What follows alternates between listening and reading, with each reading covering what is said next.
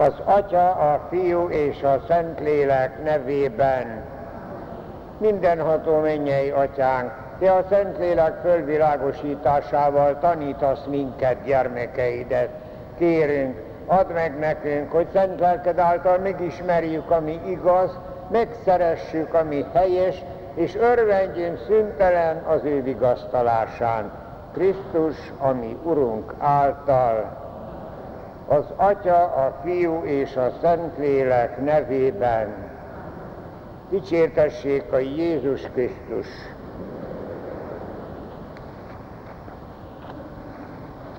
Az idei katekézisünkben, ami legnagyobb kincsünkkel, az Úr Jézus csodálatos nagy ajándékával, az Eucharisztiával szeretnénk foglalkozni, az Eucharisztiával, a Szent Misével, a Szent Áldozással. A múlt alkalommal arra gondoltunk, hogy az Eucharisztia az utolsó vacsorán született, na de ennek bizonyos előzményeit is látnunk kellett. Először megtekintettük azt az apropót, amikor az utolsó vacsora volt, mert az egy pászka ünnep volt, a ószövetségi bárány vacsora, húsvéti bárány vacsorát akkor költötték el a családokban. Aztán a másik, amire a múlt alkalommal kitértünk, hogy az Úr Jézus próbálta előkészíteni ezt a nagy csodát, ezt a nagy misztériumot már jó előre, amikor a kenyérszaporításkor azzal a pár kenyérrel, kenyérrel rengeteg embert táplált, aztán mikor az utolsó vacsorán illetve az, a, a kenyérszaporítás után a Genezáret taván a vizen járt. Az előzővel bizonyította, hogy korlátlan hatalma van a kenyér fölött, a másikkal pedig, hogy korlátlan hatalma van saját teste fölött. Kétségtelen, hogy a, a helyzet akkor, amikor az utolsó vacsora volt, egyre veszedelmesebb, egyre nehezebb volt.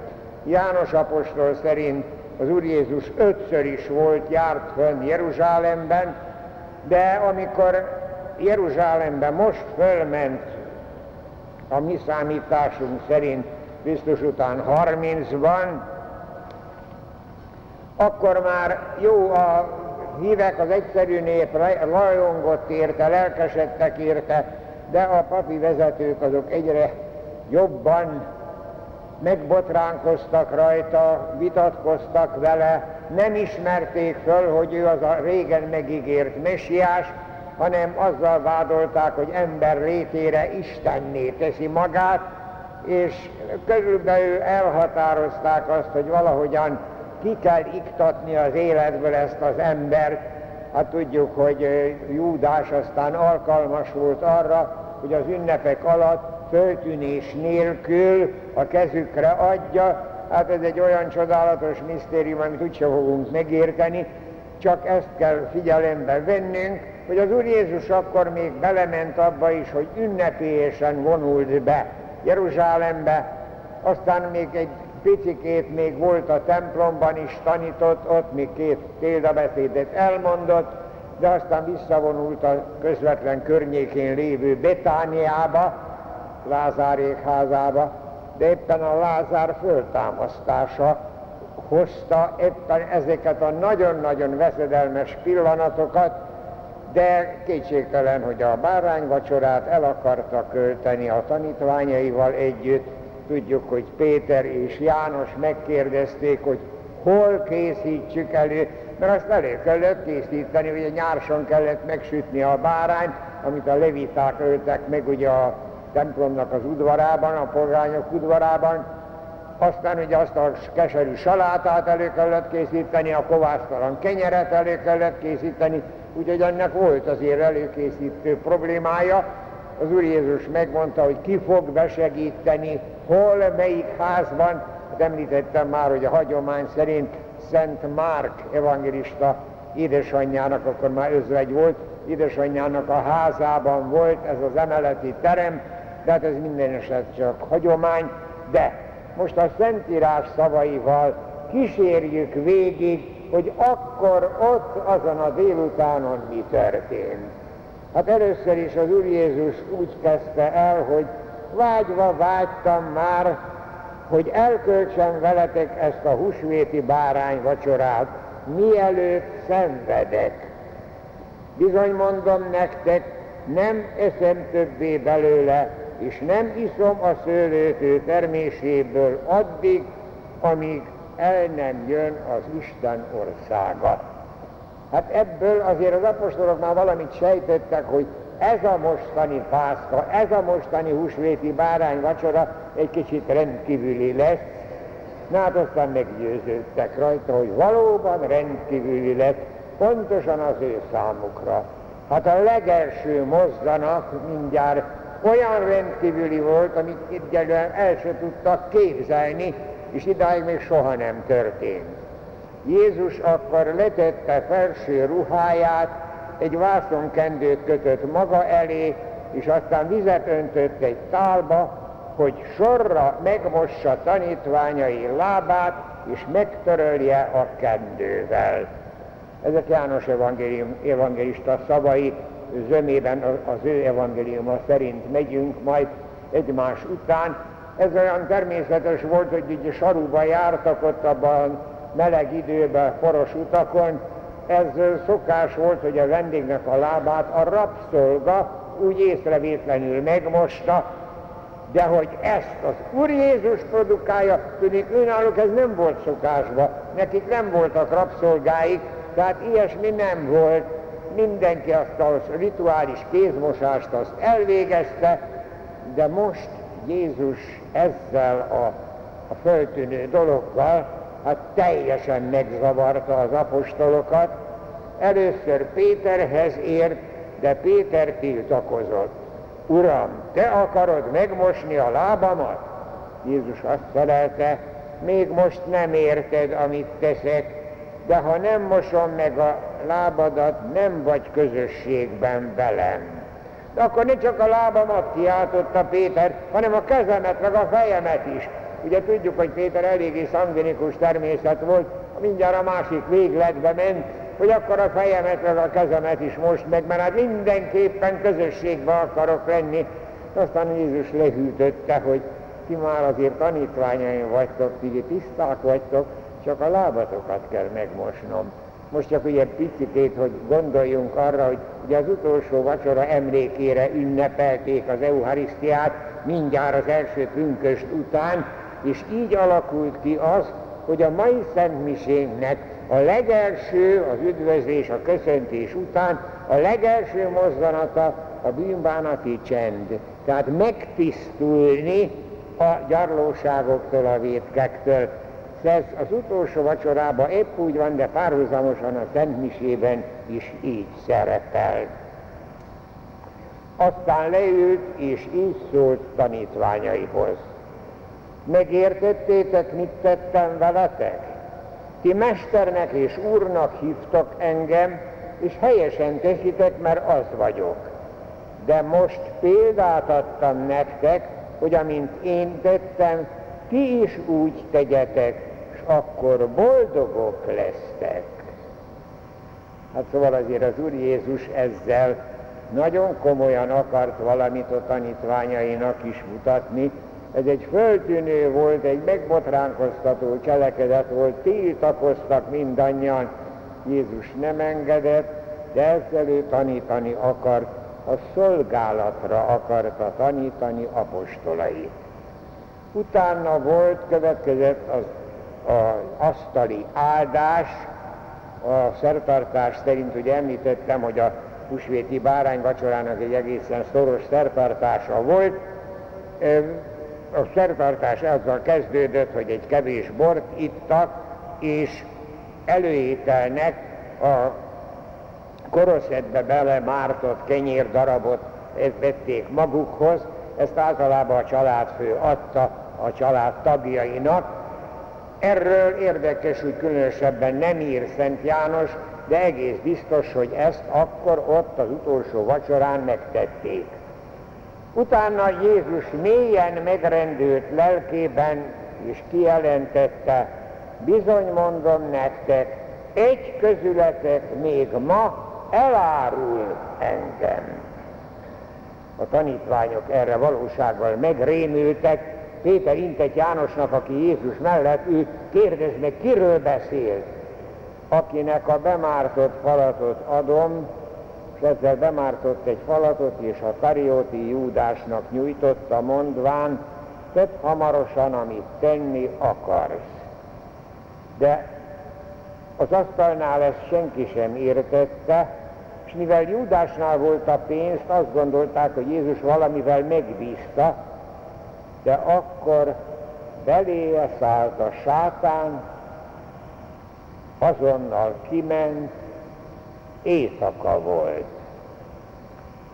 Erre a Szentírás tudósok azt szokták mondani, hogy azért Szent János ige hirdetésében volt költői véna is, mert az, hogy ezt, ezzel zárja le ezt az eseményt, hogy Júdás kiment, és éjszaka volt, nem csak körülötte, hanem a lelkében is éjszaka.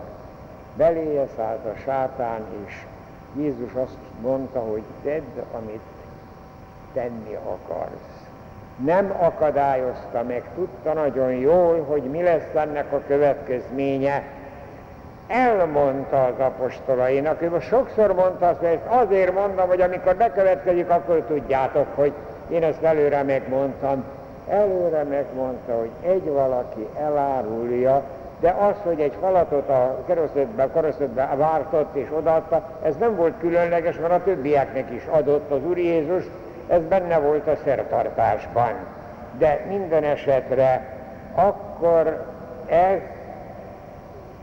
nagyon igaz és nagyon fette a valóságot, éjszaka volt. Júdásnak teljesen éjszaka volt.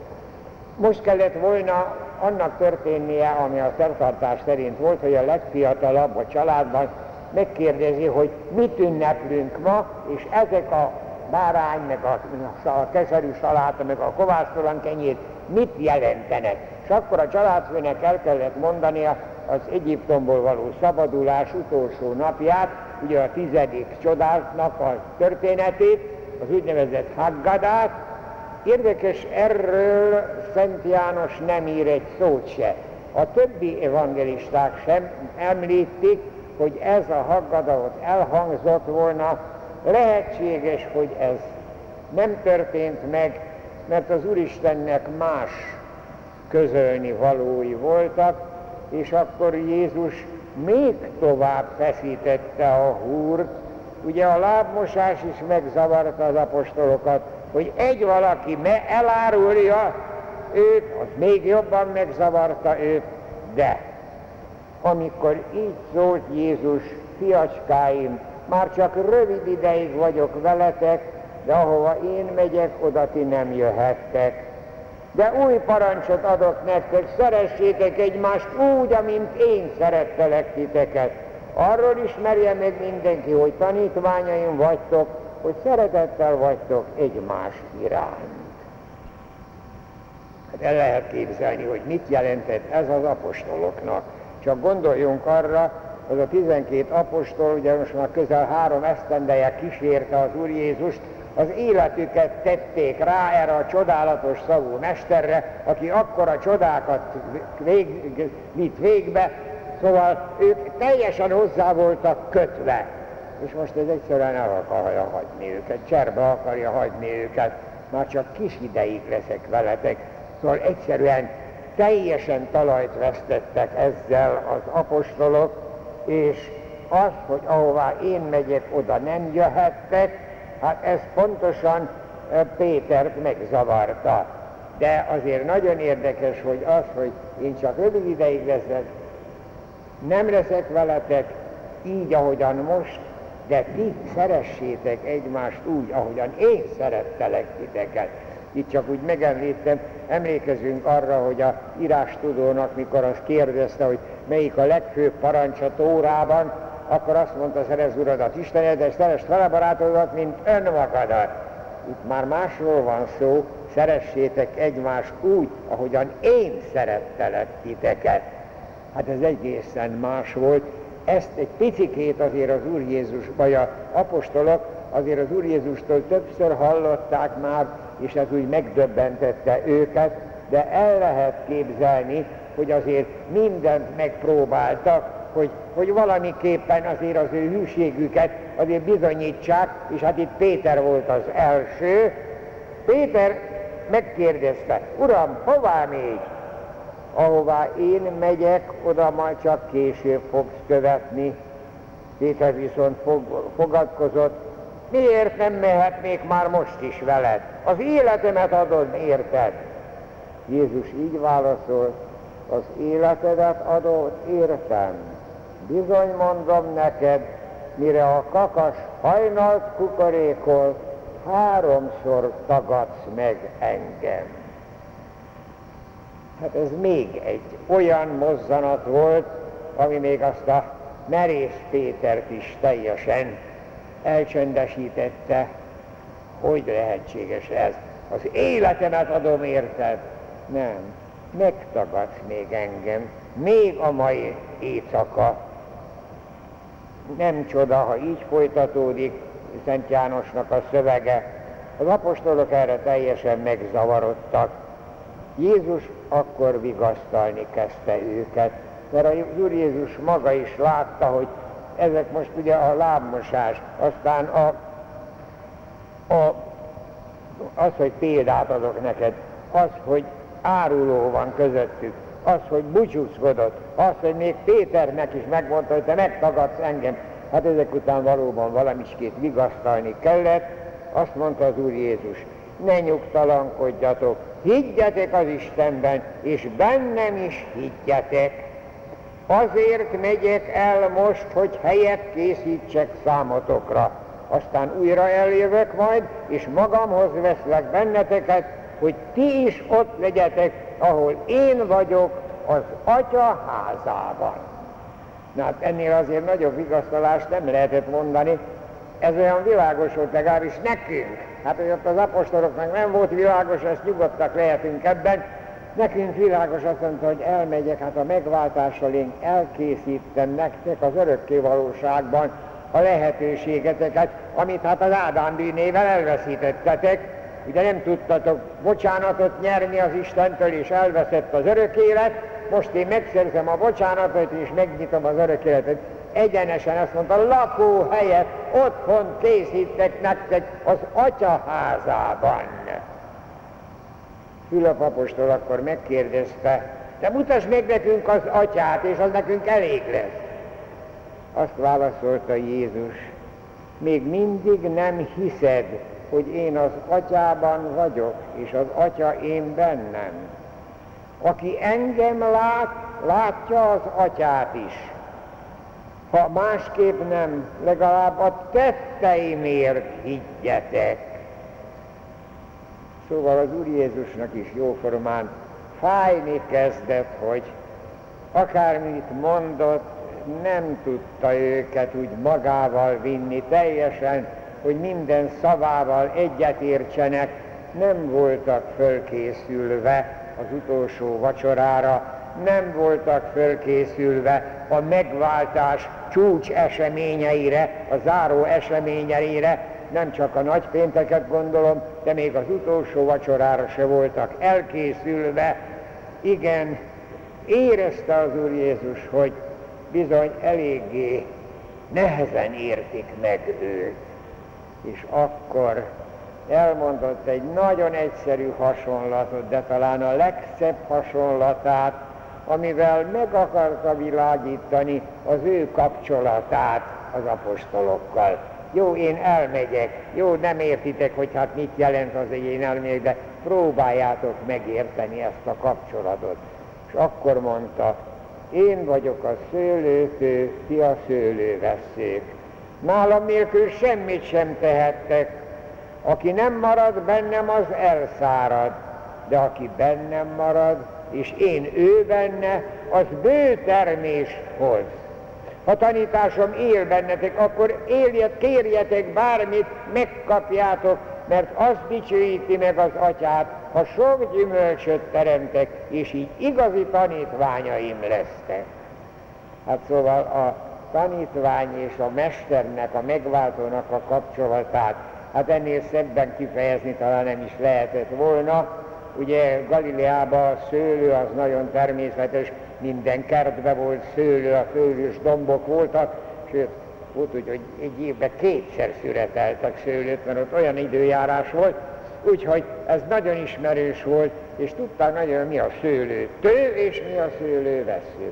A szőlővesző csak a szőlőtő által kapott erővel tud létezni, ti is csak az én erőmmel tudtok létezni, ti is csak az én megváltásom nyomán tudtok apostolok lenni, szóval ebben minden benne volt, megint csak azt mondom, nem biztos, hogy értették az Úr Jézust, ott az apostolok. De ezt sajnos az Úr Jézusnak is tudnia kellett, és akkor így folytatta. Tudnia kellett ezt, és mégis mindent meg kellett mondani, mert hiszen az utolsó nap volt vele egy, velük együtt. Még sok mondani valóm volna, de nem vagytok elég erősek hozzá de majd elküldöm nektek a lelkemet, a vigasztalót, az igazság lelkét, aki majd eszetekbe juttatja mindazt, amit mondtam nektek, megerősít titeket, és elvezet a teljes igazságra. Ő majd veletek marad a világ végéig. És akkor bármit kértek az atyától az én nevembe, megadja nektek, kérjetek és kaptok, hogy örömötök teljes legyen. Hát megint ennél csodálatosabbat nem lehetett volna mondani. Jó, érzi, hogy nem értik, de minden porcikájával a megváltásnak az örömét akarta beléjük sugározni, és ezt majd csak a Szent Lélek fogja megvalósítani az első pünköstkor. Nem győzöm hangoztatni, és ezt próbáljuk nagyon komolyan venni, amit az apostolok ott az utolsó vacsorán nem értettek, mert nem érthették mi se értettük volna, legyünk egész őszinték.